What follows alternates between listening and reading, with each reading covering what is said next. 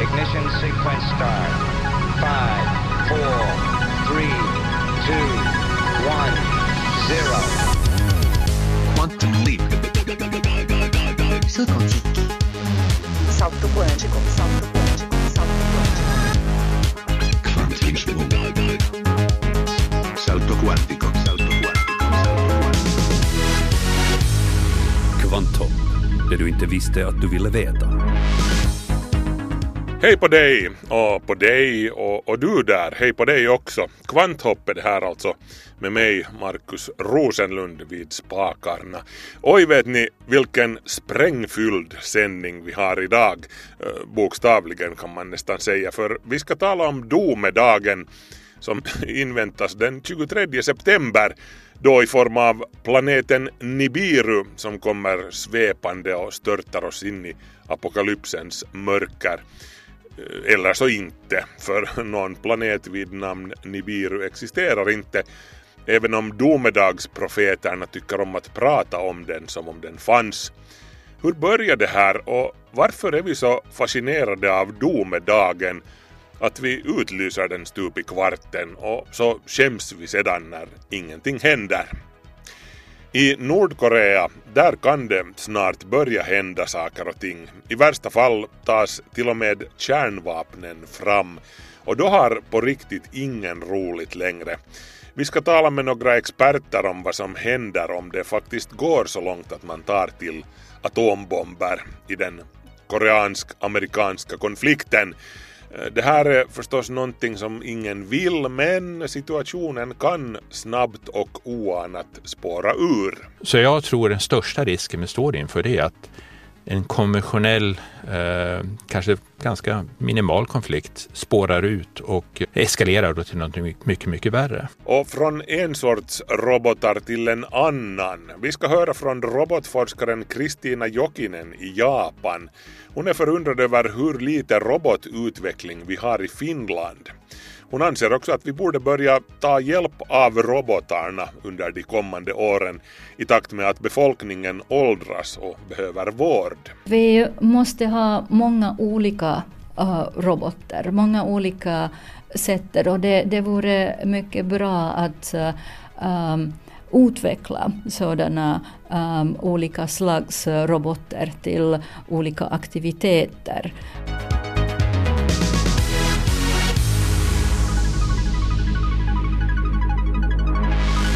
Det här är Yle Vega.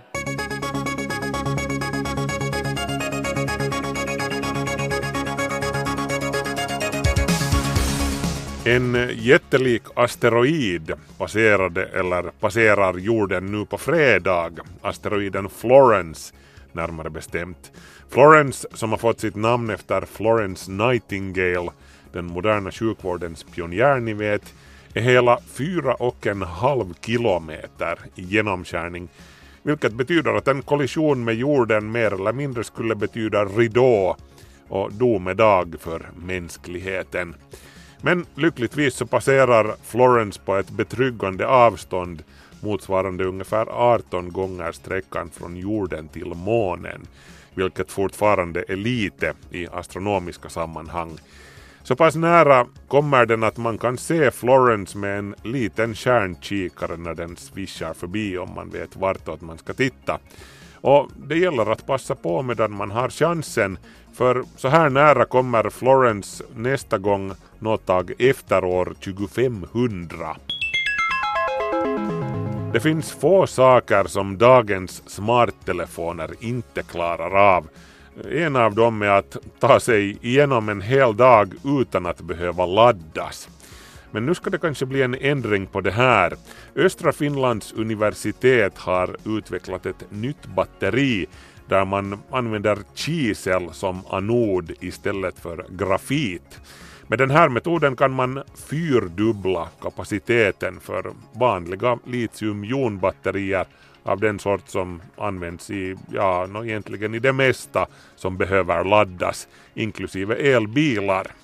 Men kisel är relativt dyrt, så nästa steg som Östra Finlands universitet jobbar på är att utnyttja askan som uppstår när bönderna bränner skalen från kornskörden. Den lär ska kunna fungera som material för samma ändamål. Och det är ju både ekologiskt och nästan gratis. Teknika ett Talous berättade om det här. Aporna i Uganda mår inte så bra, skriver The Verge. Schimpanserna i nationalparken Kibale i Uganda har i flera års tid lidit av medfödda deformeringar som saknade lemmar, fläckig päls eller harmynthet. 16 av 66 schimpanser och babianer som forskarna följde med led av dylika fysiska förändringar. Ingen av dem led av några smittsamma sjukdomar som kunde ha orsakat det här.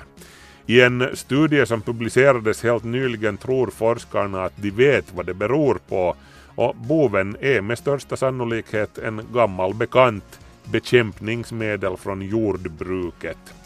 Forskarna lade märke till att bönderna från två stora tefabriker i området använde sig av åtta olika bekämpningsmedel inklusive DDT, glyfosat och klorpyrifos.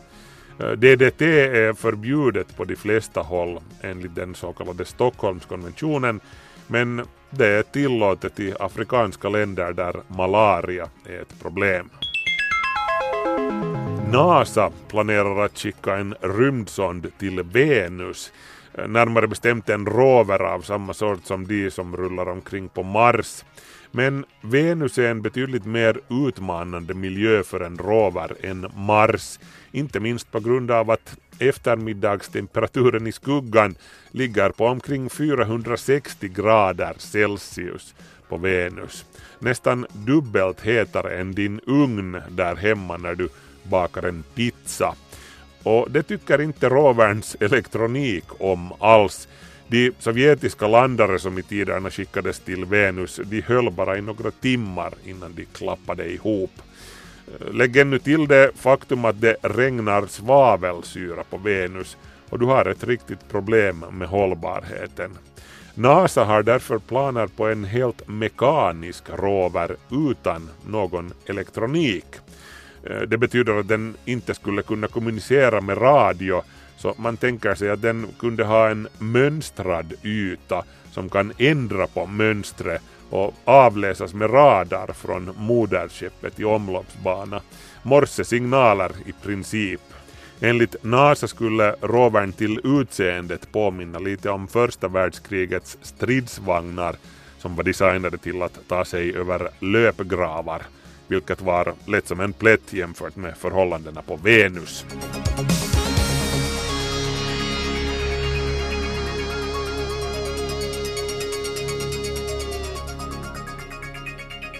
Nu ska det handla om robotik och vad som är att vänta under de närmaste åren. I Finland talas det mycket om hur viktigt det är med robotik och artificiell intelligens men samtidigt så satsas det inte särskilt mycket på att utveckla den här tekniken. Kristina Jokinen forskade tills i vintras vid Helsingfors universitet kring robotar men var mer eller mindre tvungen att bli robotforskare i Japan istället. Jag har jobbat med robotar och just sociala robotar som äh, talar. Vi har utvecklat äh, några äh, applikationer med Nao-robotar men det fanns inte forskningspengar. Jokinen anser att det är förbluffande att man i Finland ofta betonar robotik och de möjligheter den kan ge, men att det sen knappt alls finns pengar för att faktiskt kunna utveckla den. Kristina Andersson som jobbar med att gynna robotikfrågor håller med. Det är nog sant att här i Finland vi har lite sådär uppfattning att vi behöver inte tillverka robotar. Och jag vet inte varför är det så, därför att vi har ju den här tunga industrin, till exempel Ponsse och andra sådana traktorer och allt möjligt som vi har gjort i åratals. Men nu den här moderna robotiken, så det tycks vara lite så att det är någonting som gäller i Finland. Och att inte satsa tillräckligt på robotteknik kan få negativa konsekvenser för Finlands ekonomi, påpekar hon. Vi blir ju utan av den här konkurrensen då, att vi får inte in de där inkomsterna som vi kunde få av en sån här ny industri. Men hurdan slags robotteknik är det man borde satsa på? Handlar det till exempel om att fysiskt bygga robotar eller att koda artificiell intelligens? Det är ju en stor fråga därför att man måste ju kunna alla de där och hämta alla de där teknologier tillsammans till en sån där tipping point och då blir det nytt.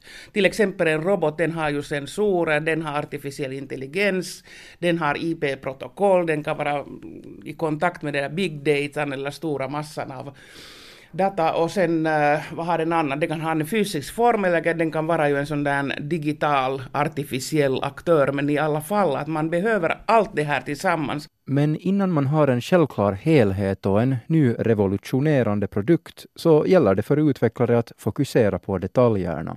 Den finländska forskaren Kristina Jokinen och hennes forskningsgrupp i Japan jobbar till exempel för tillfället med att utveckla sociala robotars dialog Alltså att de kan prata med oss människor på ett naturligt sätt. Så att uh, roboten kan uh, förstå vad vi säger uh, och inte bara ord men också det här känslor man ha, har. Och om man är intresserad eller trött eller, eller sånt. Så att roboten i sådana sociala situationer måste förstå vad, vad händer med, med där partner de talar med. Framtidens robotar ska också kunna förstå hur vi känner oss, vad vi menar säga och sociala signaler såsom ansiktsuttryck, ironi med mera. Ingen lätt uppgift alltså. Jokinens team börjar med att utveckla en vårdrobot som kunde lyfta åldringar. En sån fungerande robot ska vara klar senast om fem år. Det skulle kunna underlätta vårdpersonalens jobb betydligt på många håll. Om det, det finns en roboten som um, uh, skulle gärna göra detsamma um, arbete, ja, så, så måste roboten veta hur är det det rätta sätt att, att göra, göra det här. Det handlar till exempel om att se till att patienten inte faller. Och sen naturligtvis också det här kommunikation. Det, det är också mycket viktigt att uh, roboten uh, talar att okej, okay, nu kommer jag att eh, lyfta din ben här och hur känner du till, är det bra som här? Jokinen vill ändå inte ge falska förhoppningar. Det, det, finns mycket sådan science fiction förhoppningar och hur robotar kan, kan arbeta och hur de, de tar över människan och allt sånt. Så det, det finns mycket komplicerade aspekter i kommunikation. Hon nämner de digitala assistenterna Amazon Echo och Google Home som är stillastående apparater som man kan tala med. Alexa, are you a robot? I like to imagine myself a bit like an aurora borealis, a surge of charged multicolored photons dancing through the atmosphere. Här frågade jag Amazons Echo-apparat om den är en robot. Den svarade att den föreställer sig vara ett norrsken. Man kan till exempel be sådana här digitala assistenter att tända hemmets nätverksanslutna belysning, berätta en vits, fråga när en viss kändis föddes eller kolla upp bra recept på nätet de här assistenterna som inte ännu har lanserats i Finland är avancerade när det gäller att känna igen vad folk säger, men deras repertoar är begränsad. Ja, det är begränsat till de olika um, saker som den kan tala om. Jokinen och hennes forskningsteam i Japan jobbar däremot med öppna dialoger så att roboten kan hantera information och kunskap från internet för att kunna svara på olika frågor som användaren ställer. Poängen är också att roboten ska kunna lära sig själv. Att den ska inse när något den säger är hjälpsamt och när det inte är det. Men eh, just den biten är extra svår att ta fram, säger hon. Jokinen påpekar också att lärarrobotar oundvikligen är att vänta i något skede. Roboten kan Eh, användas uh, med sådana uh, repetitiva övningar och um, den blir inte arg och den, den um, tröttar inte. När en robot hjälper till i klassrummet så kan lärare fokusera på andra uppgifter som till exempel kräver mer social kompetens, poängterar hon. Det kan också vara lättare att tala med en robot eftersom den reagerar på ett sätt som är lätt att förutse och den dömer inte. Kristina Jokinen påpekar att man i Japan siktar på att ha robotar inom alla olika samhällsområden. Landet har satsat mycket pengar på både mekaniska maskiner och på samverkan mellan människa och maskin. Hon tycker att man också i Finland borde ta i bruk många robotar under de kommande åren i takt med att befolkningen åldras, både till nytta och nöje. Vi måste ha många olika Eh, uh, robotar, många olika sätt och det, det vore mycket bra att um, utveckla sådana um, olika slags robotar till olika aktiviteter. Robotentusiasten Kristina Andersson håller med och ser en stor potential i att minska på ensamheten i samhället. Vad jag kan säga är att liksom ensamheten är den, kan, kanske en av våra största problem. Att ensamheten dödar mer än tobak. Jag tror att vi kan lösa de här problemen med sociala robotar. Och till exempel så robotar som i hemmet kan göra lite olika saker, städa och laga mat och allt möjligt, men också göra sällskap. Och man kan ju säga att kan du, kan du läsa mig i Niklas Fagerströms eh, blogg eller om någonting sånt. Och den kan liksom läsa de där nyheterna, den kan läsa böcker, men också diskutera lite. Och det blir ju hela tiden, de säger att Watson har, eh, har debatterat med någon politiker. Och jag tycker det här är jätteintressant därför att, att man, man känner ju sig ensam när han varit några dagar liksom ensam. Hon poängterar ändå att robotarna inte kommer att ersätta oss människor. Den ersätter inte människokontakten. Att vi behöver alltid ha människor, men det är också så att det liksom fakta är att man har inte alltid människor närvarande så att därför behöver man, kommer att behöva de där robotarna. Det blir mer och mer ensamma människor. Att, men vi må, måste också ta hand om varandra. Det var Niklas Fagerström som var reporter i det här inslaget. Yle Vega. Nordkorea använde sina robotar igen. Tidigare den här veckan sköt de en långdistansrobot eller en missil som det också heter över huvudet på japaneserna. Den flög 550 kilometer ovanför ön Hokkaido och landade i Stilla havet 2700 kilometer från utskjutningsplatsen. Det här ökar ju naturligtvis ytterligare på spänningen i området och risken för att kärnvapnen plockas fram blir också större. Vilka blir följderna om Nordkorea faktiskt skulle använda sig av kärnvapen? Vilka vapen har de överhuvudtaget tillgång till och hur kan vi veta någonting om det här? Det här ska det handla om härnäst. Det är Camilla Widebäck från Sveriges Radio som talar med Niklas Svanström som är föreståndare för Institutet för säkerhets och utvecklingspolitik i Sverige och Martin Goliat som är forskare i kärnvapenfrågor vid Totalförsvarets forskningsinstitut, också i Sverige. Niklas Svanström, du har varit i Nordkorea nyligen, bara här om månaden. Vad gjorde du där? Jag, jag har rest till Nordkorea sedan tidigt 90-tal eh, ganska frekvent och vad vi försöker göra det är att få en, en bild av vad som, vad som sker i Nordkorea. Vad är de politiska förändringarna? Föra en, någon form av dialog då med det officiella Nordkorea i ja, ett försök liksom att få mer information. Och vad har du fått för bild nu då? Ja, alltså uppenbart. Det är, det är oerhörda skillnader mellan eh, landsbygden och städerna och speciellt då Pyongyang som har en speciell särställning i, i Nordkorea. Men generellt så får man ju definitivt en bild av att det här är ganska ett relativt avancerat samhälle. Det är inga stenåldersmänniskor. Man har en, eh, en ekonomisk tillväxt, eh, även om den kanske inte är på den nivån som vi skulle vilja ha den. Ehm, så att eh, det är en ganska komplicerad bild. Det är Kina under 70-talet möjligtvis, eller 80-talet. Så att det är ehm, en intressant men väldigt fragmenterad bild av eh, ett väldigt komplicerat land. Martin Goliat, Totalförsvarets forskningsinstitut. Den här roboten som nu sköts iväg, alltså i måndags, en ballistisk medeldistansrobot har NASA kommit fram till att det var. Vad innebär det? Vad är det för någonting? Ja, man kan säga ballistisk robot eller ballistisk missil som man också brukar höra ibland. Det är ju egentligen, man kan tänka sig det påminner om en eh, sån här raket som man skjuter upp eh, satelliter med fast lite svagare så att säga. Så man skjuter upp och sen så faller det ner till jorden igen. Det man skjuter iväg.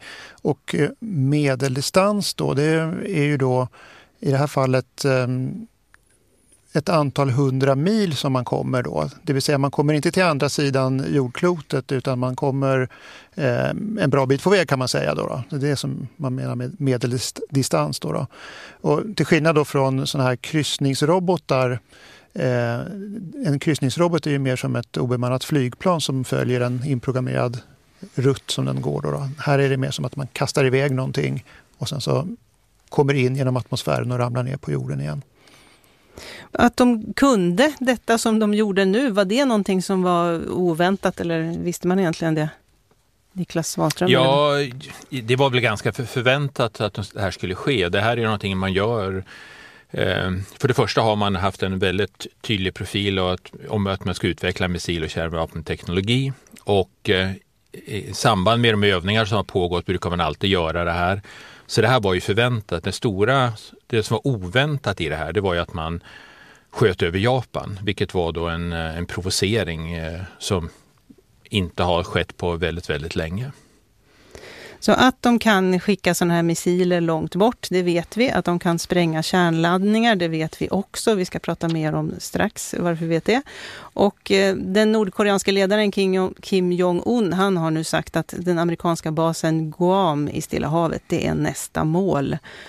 Ja, det här hotet att nordkoreanerna ska använda kärnvapen, det hänger ju över världen. Men innan vi talar om hur hotet egentligen ser ut och hur realistiskt det är och så, så ska vi gå in på vad kärnvapen egentligen innebär, tänkte jag. Och då går frågan till dig, Martin Goliat. Om vi ska göra det alldeles tydligt vad det innebär, så tänker jag att även om hotet nu inte alls handlar om att någon vill skicka kärnvapen över Sverige, så ska vi ändå just för tydlighetens skull måla upp scenen en kärnvapenattack mot Stockholm. Vad, vilka skulle effekterna bli om man släppte en atombomb över Stockholm? Ja, det beror ju för det första på hur eh, stor den här bomben är. Då. Men om vi tar eh, det, som vi har sett i de nordkoreanska testen, då har man pratat om i senaste testet en eh, laddning av samma storlek ungefär som de här bomberna som föll över Japan i slutet av andra världskriget. Ehm, och ehm, ja, vad händer då om vi tänker oss att det här skulle explodera ovanför Stockholm, mitt eh, centralt. Då. Ja, då är det så att eh, det, det kommer vara då en stötvåg. Det kommer att vara värmestrålning som skapar brännskador och det kommer vara strålningen ifrån kärnreaktionerna. Och räckvidden för de här de är lite olika sinsemellan men ungefär en radie på en till två kilometer skulle man få svåra skador på både människor och byggnader då, som eh, från den här så kallade nollpunkten, det vill säga som är punkten under explosionen. Då. Eh, och det är ju ungefär, man tänker sig, det är ungefär Stockholms innerstad vi pratar om då, om vi eh, har den här smällen ovanför slottet. Mm, det är ju ändå ganska lo lokalt. Det är nästan inte riktigt så som man tänker på kärnvapen ändå. Det här med, med nedfall som blir kvar, radioaktivitet som blir kvar över lång tid då? Mm. Det är egentligen något annat än det du har pratat om nu. Ja, precis. Och det där har att göra med på vilken höjd som explosionen sker. Eh, sker den vid marknivå, då kommer man få ett eh, lokalt nedfall som blir då väldigt kraftig radioaktivitet runt explosionsplatsen och i vindriktningen. Då beror ju på att de här så att säga, radioaktiva ämnen som bildas, de blandas ju in med eh, markmaterial, slungas upp i luften och sen så blåser det iväg i vindriktningen. Sker explosionen högre upp, och då pratar jag om i det här fallet den storlek på bomb vi pratar om här, säg att explosionen skulle ske Eh, på 500 meters höjd eller 1000 meters höjd, ja, då är det så att då beblandas inte radioaktiviteten med markmaterial på det viset utan den kommer istället sugas upp och eh, spridas eh, globalt. Och det är förstås så att radioaktiviteten försvinner inte på grund av det. Däremot så sprids den ut och blir ett kanske mer långsiktigt problem. Det blir en del av den bakgrund som vi alla eh, går i när det gäller strålning. Då, då. Och vi, vi går ju i sådan strålning så att säga som är från eh, atombombsproven som gjordes på, ja, på 50-talet är det väl mest, mm. Eh, som har spritts över världen och det är ändå så pass lite så att man inte märker av det så mycket eller att jag antar att det inte skapar någon skada. Hur skulle det vara i det här fallet då? Nej men alltså det är den här så att säga, bakgrunden som vi pratar om. Man brukar säga att um, de atmosfäriska prov som gjordes på Eh, eh, 50-60-talet det bidrar med eh, någon procent har jag hört sägas utav den bakgrund som vi exponeras för. Och då finns det ju andra komponenter. Det är att vi har ju uran i berggrunden till exempel i Sverige. Vi, ni känner ju alla till eh, det här med radon i hus till exempel. Det har ju det ursprunget. Då, då. Eh, så det finns där men det är en, en mindre del utav det hela.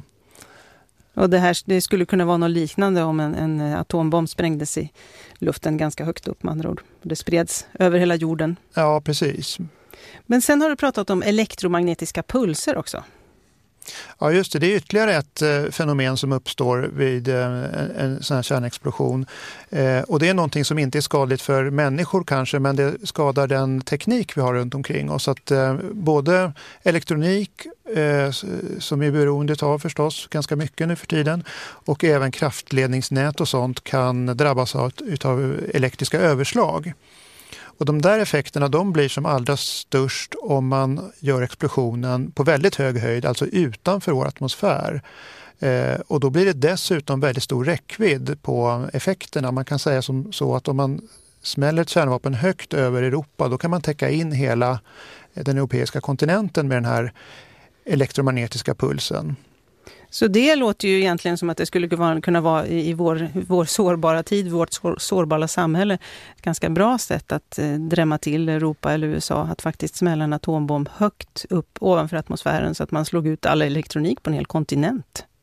Ja precis och det där beror ju, det är ju frågan då hur känslig är elektroniken för det här och Eh, Eh, jag vet inte riktigt hur det ser ut idag med att man provar man de senaste mobiltelefonerna för den här effekten. Det är jag osäker på. Sånt här gjorde man ju väldigt mycket förr, att man provade all utrustning som fanns i samhället för att se hur känsligt det var. Men, just eh, den moderna tekniken den är ju, ser ju annorlunda ut än det som man höll på med på 70 80-talet förstås. Niklas Svanström, du som har en mer säkerhetspolitisk ingång, är det här någonting som man diskuterar i dina kretsar? Ja absolut, det, det, det är ju, kärnvapenhotet är ju ett, ett, allvarligt hot. Men man ska inte förglömma då att det, det finns också ett konventionellt hot. Och framförallt när vi tittar på nu kärnvapenhotet och långdistansrobotar så är det, handlar det ju väldigt mycket om USA, det är ett USA-fokus. Men när vi tittar nu på den konventionella styrkan som Nordkorea faktiskt har så är det ju en väldigt kraftig hotbild mot Seoul och närområdet redan idag. Så att det är klart att kärnvapenfrågan är oerhört viktig och den är globalt viktig. Men sen har vi också ett redan existerande allvarligt hot med konventionella medel och även biokemiska givetvis. Ja, att nordkoreanerna kan skjuta missiler, det har de alltså visat, eller robotar som man också kan kalla dem. Och att de kan detonera kärnladdningar, det vet vi också. Inte bara för att de skryter om sina texter, utan också genom mätningar, eller hur Martin Goliat på Totalförsvarets forskningsinstitut, FOI? Ja, det är ju så att det är väldigt svårt att få information om exakt vad eh, nordkoreanerna gör. Men en sak som vi ändå ser eh, från de här kärnladdningsproven det är ju då ja, det som man ser med en gång kan man säga när det smäller det är att man får en sån här seismisk signal. Det vill säga som en stöt som går i marken precis som en jordbävning. Eh, och från den signalen så kan vi ju bedöma eh, styrkan på laddningen på ett ungefär i alla fall. Då, då. Eh, och där har man ju då sett hur man successivt har lyckats eh, höja den här sprängstyrkan i de prov som Nordkorea har gjort. Eh, och och ehm, den senaste storleken som, som vi har sett det motsvarar ungefär en sån här bomb som eh, användes vid Hiroshima. Och så, och så, mäter ni radioaktiva spår också, men det kanske är de seismiska signalerna som ger den tydligaste informationen, eller? Man kan säga att det ger ju en information om styrkan, den här seismiska signalen. Sen är det ju viktigt att um, veta att, um, i alla fall inledningsvis var det ju oerhört viktigt att veta att uh, Nordkoreas första prov verkligen var ett kärnladdningsprov och inte en, eh, så att säga, ett försök att bluffa omvärlden genom att uh, göra en stor konventionell explosion under jord. Och vid det första provet så var det faktiskt så att, eh, att vi såg radioaktivitet. Eh, det var ju ett svenskt system från FOI då som skickades eh, till Sydkorea direkt efter provet och stod och mätte precis vid den norra gränsen där och där kom då så att säga eh, vindarna så att eh, man fick rester från det underjordiska provet som då läckte den gången. Vilket år var det här? Ungefär? 2006 har jag för mig att det var. Vad är det svåra då? Vad är utmaningen för nordkoreanerna att eh, bygga en sån här robot eller missil som kan bära ett vapen eller att göra en kärnladdning? Alltså, när man har en kärnladdning och man har en sån här ballistisk robot då måste man ju så att säga koppla ihop dem med varandra och få det att funka tillsammans. eh, så att säga. Och, och en utmaning där det är att få laddningen att vara tillräckligt liten för att eh, få plats på roboten. Eh, det är en sak. Eh, så det gäller alltså att liksom krympa ner den. Man kan inte ha no någonting som väger flera ton. Eh, så var det med de här första bomberna som fälldes eh, över Japan för eh, över 70 år sedan. Eh, men en ballistisk robot, där måste de väga mindre, ett antal hundra kilo kanske. Då. Och det vet vi inte egentligen om de har klarat? Det vet vi ju egentligen inte. Från eh, testerna att döma kan man ju inte se riktigt hur stor den här laddningen är. Sen måste ju laddningen klara uppskjutningen. Det är ju väldigt kraftiga påfrestningar när man blir uppskjuten med en sån här ballistisk robot. Och sen är det ju så att när man har kommit upp i rymden ska man ju ner igen och, och då gäller det att klara återinträdet som det kallas när man ska in i atmosfären. Då gäller det att se till att man inte brinner upp eller bryts sönder då. Så att de har missilerna och att de har kärnladdningarna, det behöver inte alls betyda att de har kärnvapen de faktiskt kan använda. Kan man sammanfatta det så? Så är det. Samtidigt så kan man ju säga så att ett kärnvapenhot finns ju även om man inte faktiskt har vapnen ännu. Det, det är ändå så att det utgör ett hot mot omvärlden. Ja, det är ju definitivt illa nog. Den kunskap de har, Niklas Svanström, hur har de kunnat skaffa sig den kunskapen om hur man gör eh, kärnladdningar och vapen i detta slutna land Nordkorea? Ja, en bra fråga. Det första man ska, måste inse är att vi har oerhört begränsad information om Nordkorea när det gäller de här frågorna. Men det ena är ju eh, Pakistan och det är ju, då har vi Dr. Khan som eh, smugglade uppgifter ut. Det är väl en av de källorna som vi vet ganska tydligt. Sen har det ju varit diskussioner om huruvida Iran och Kina har medverkat i det här. Ehm, och där är ju uppgifterna betydligt mer knapphända, knapphändiga. Ehm, och sen har man en väldigt, väldigt stark inhemsk eh, industri som jobbar med de här frågorna. De eh, resurser man lägger på försvaret och det här missilprogrammet och kärnvapenprogrammen är enorma. Det här är alltså den enskilt störst, största sektorn i Nordkorea. Så att det här, man ska absolut inte underskatta, det är klart att man har haft extern assistans, men man ska absolut inte underskatta den, egen in, den egna inhemska innovationsförmågan som, är, som faktiskt har varit eh, väldigt viktig i den här frågan. Vad, och, vad kan vi stå inför nu då om det skulle utvecklas detta till eh, att kärnvapen faktiskt används? Hur skulle det i så fall gå till så att säga? Hur och var är mest sannolikt som du ser det? Ja, jag tror att det, varken president Trump eller eh, president Kim eh, kommer medvetet att ska, eh, söka ett kärnvapenkrig. För det, det, i den, en sån situation så finns det inga vinnare utan då är det en fråga om vem förlorar mest. Utan jag tror att det, den stora risken är en en konventionell kris som sprider sig så snabbt och, och, där det inte finns någon kommunikation mellan parterna hur att hantera den här krisen som sen då eskalerar in till en, en kärnvapenkonflikt. För det, sanningen är ju det att när, är det ett antal missiler i luften, då är det oerhört svårt att avgöra vilken av de här missilerna är konventionella och vilken är eh, nukleära. Och någonstans här måste ju de militära beslutsfattarna anta att det är ett värsta fall scenario. Så jag tror den största risken vi står inför det är att en konventionell, eh, kanske ganska minimal konflikt spårar ut och resulterar i någonting eskalerar då till något mycket, mycket värre. Men det borde ju ändå vara en väldigt skarp gräns att gå över för båda parter att använda kärnvapen. Eh, absolut, och jag, jag, tror att, eh, som sagt jag, jag är, det är klart att det är alltid en hotbild med kärnvapen och, och sen har vi, vi handlar ju om också om spridningseffekterna av eh, kärnvapenteknologi. Men jag är inte primärt orolig för ett kärnvapenkrig i den här situationen, för jag tror ändå att de militära beslutsfattarna, eh, åtminstone, är tydligt medvetna om konsekvenserna. Däremot är det ju det, har man kärnvapen så bygger man ju kärnvapen i ett syfte. Och syftet är ju att öka sin egen säkerhet och sin egen militära kapacitet. Så att har man kärnvapen så kan, det alltid, eh, så kan de alltid användas. Så den, den risken finns utan tvekan.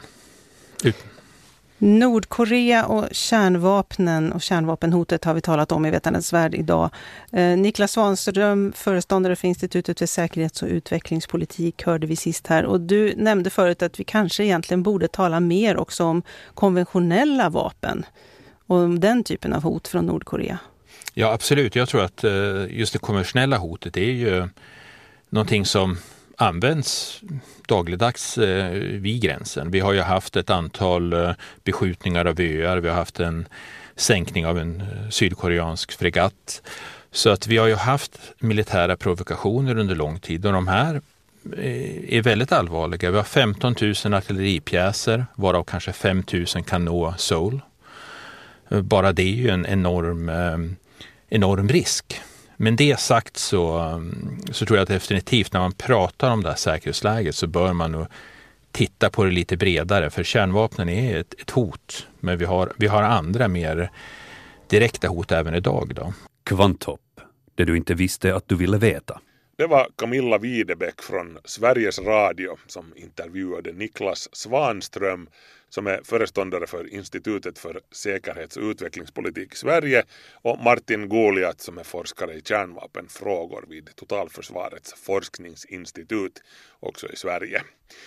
Vi ska fortsätta hålla oss i domedagsstämning och fundera kring varför vi har ett sådant behov av att leta efter tecken på att slutet är nära.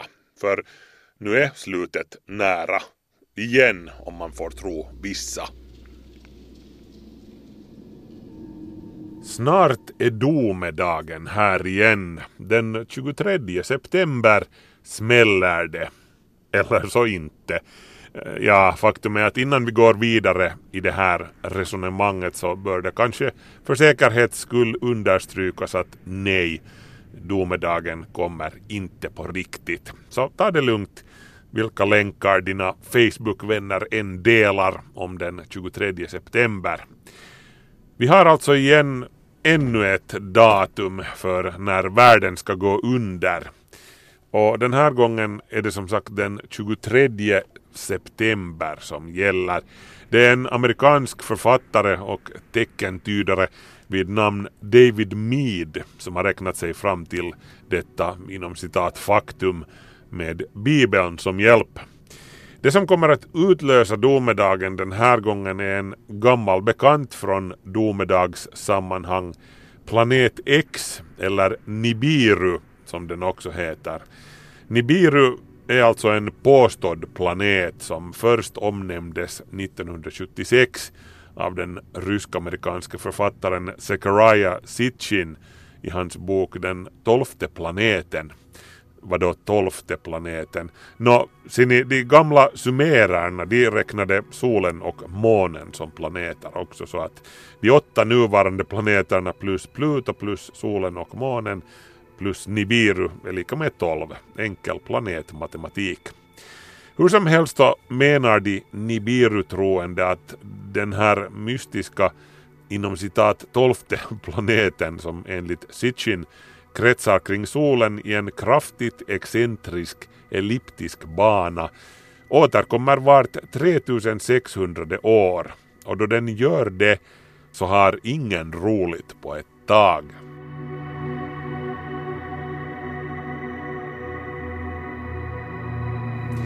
Till exempel så ska Nibiru under en tidigare passage ha krockat med planeten Tiamat. Tiamat var också en havsgud från den babyloniska mytologin. Och fragmenten från den här planetkollisionen bildade det som idag är asteroidbältet mellan Mars och Jupiter. Nej, någon sådan kollision har inte ägt rum på riktigt. Fast eh, Zechariah Sitchin hävdade faktiskt aldrig att det finns något slags koppling mellan Nibiru och en eventuell domedag. Tanken på Nibiru som en civilisationsdödare som utlöser undergången här på jorden, den startade 1995 med en viss Nancy Leader, grundare av UFO och domedags och konspirationssajten Zeta Talk. Det här hade utomjordingar från Zeta Reticuli-systemet berättat åt Leader via mottagaren som de hade placerat i hennes hjärna, påstod Leader själv. Och i princip handlar det då alltså om att Nibiru med sin enorma tyngdkraft, för den är en jättestor planet, eh, orsakar alla sorters elände som jordbävningar, vulkanutbrott, stormar, gräshoppor, blodregn. Ni vet när den kommer farande förbi jorden. Ja, no, ni vet domedagen.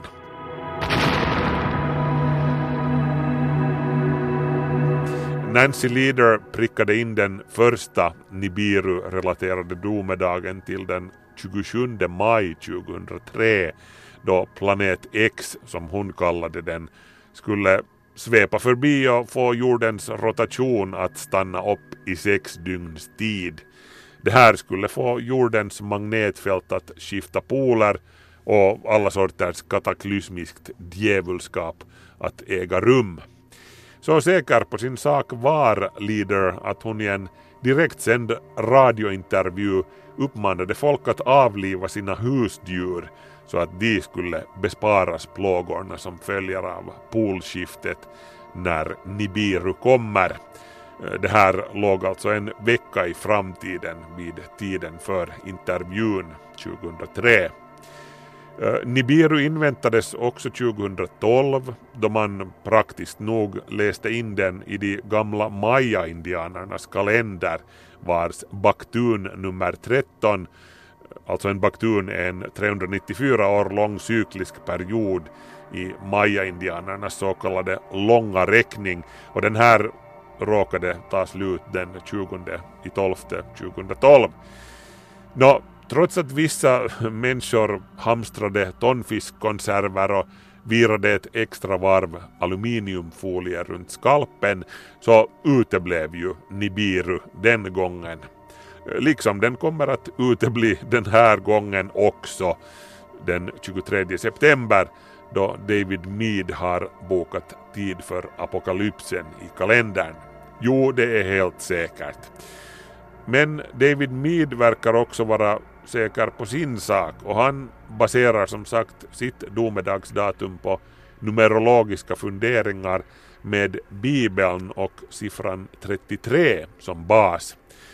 Herrens namn, Elohim, omnämns 33 gånger i första Moseboken och räknar man 33 dagar från solförmörkelsen som inträffade i USA den 21 augusti så landar man på den 23 september. Jo, förra veckans solförmörkelse var en del av det hela också. Mid citerar Jesaja, 13 kapitlet, verserna 9 och 10 där händelsen enligt honom finns beskriven. Se, Herrens dag kommer, gruvlig och med förgrymmelse och med vredesglöd, för att göra jorden till en ödemark och utrota syndarna som där bo. Ty himlens stjärnor och stjärnbilder sända ej mer ut sitt ljus, solen går mörk upp och månens ljus skiner icke.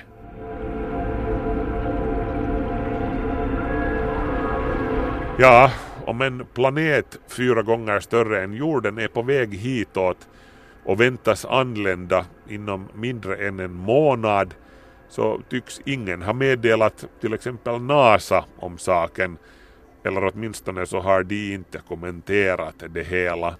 NASA kommenterade däremot internethysterin som rådde kring Nibirus förra utlovade passage 2012 i samband med Maya-kalenderns apokalyps inom citat.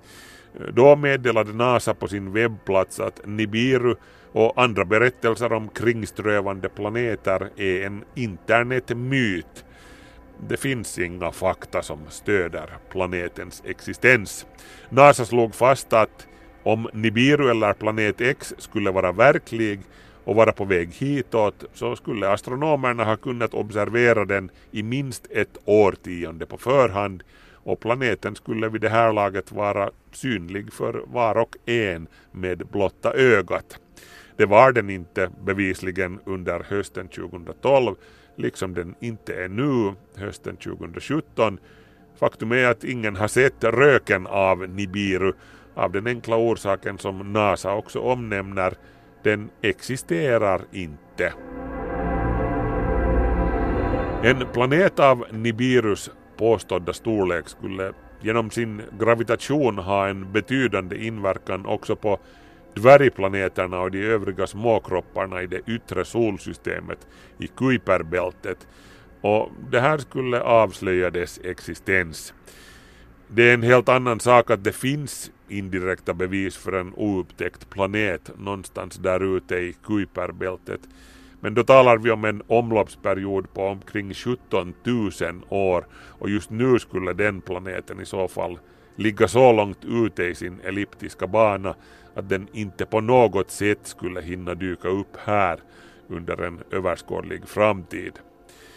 Men om Nibiru inte är en planet som rusar mot oss för att sprida död och undergång, vad är den då? För själva ordet är inte plockat ur tomma luften. Ordet Nibiru kommer från det gamla östsemitiska språket akadiska som talades i Mesopotamien och i dagens Syrien i bibliska tider. Nibiru betyder ordagrant korsning eller ett ställe där två floder möts. Termen hänvisar också till dagjämningen och de astronomiska objekt som associeras med den. I Babylon var Nibiru associerad med den babyloniska chefsguden Marduk och i skyn representerades denna Marduks kärna av olika himlakroppar, lite beroende på årstiden och på vilka gamla lertavlor man tolkar. Nibiru var ett av namnen för Jupiter i den babyloniska kosmologin men också Merkurius och stjärnbilden vågen har fått bära Nibirus mantel. Nibiru var vägvisaren i skyn som gav vägledning åt vilsna resenärer både ovan och under himlarna. Eh, Nibiru, Marduks stjärna, var stjärnornas herde som vallar stjärnorna, ja till och med gudarna, likt får.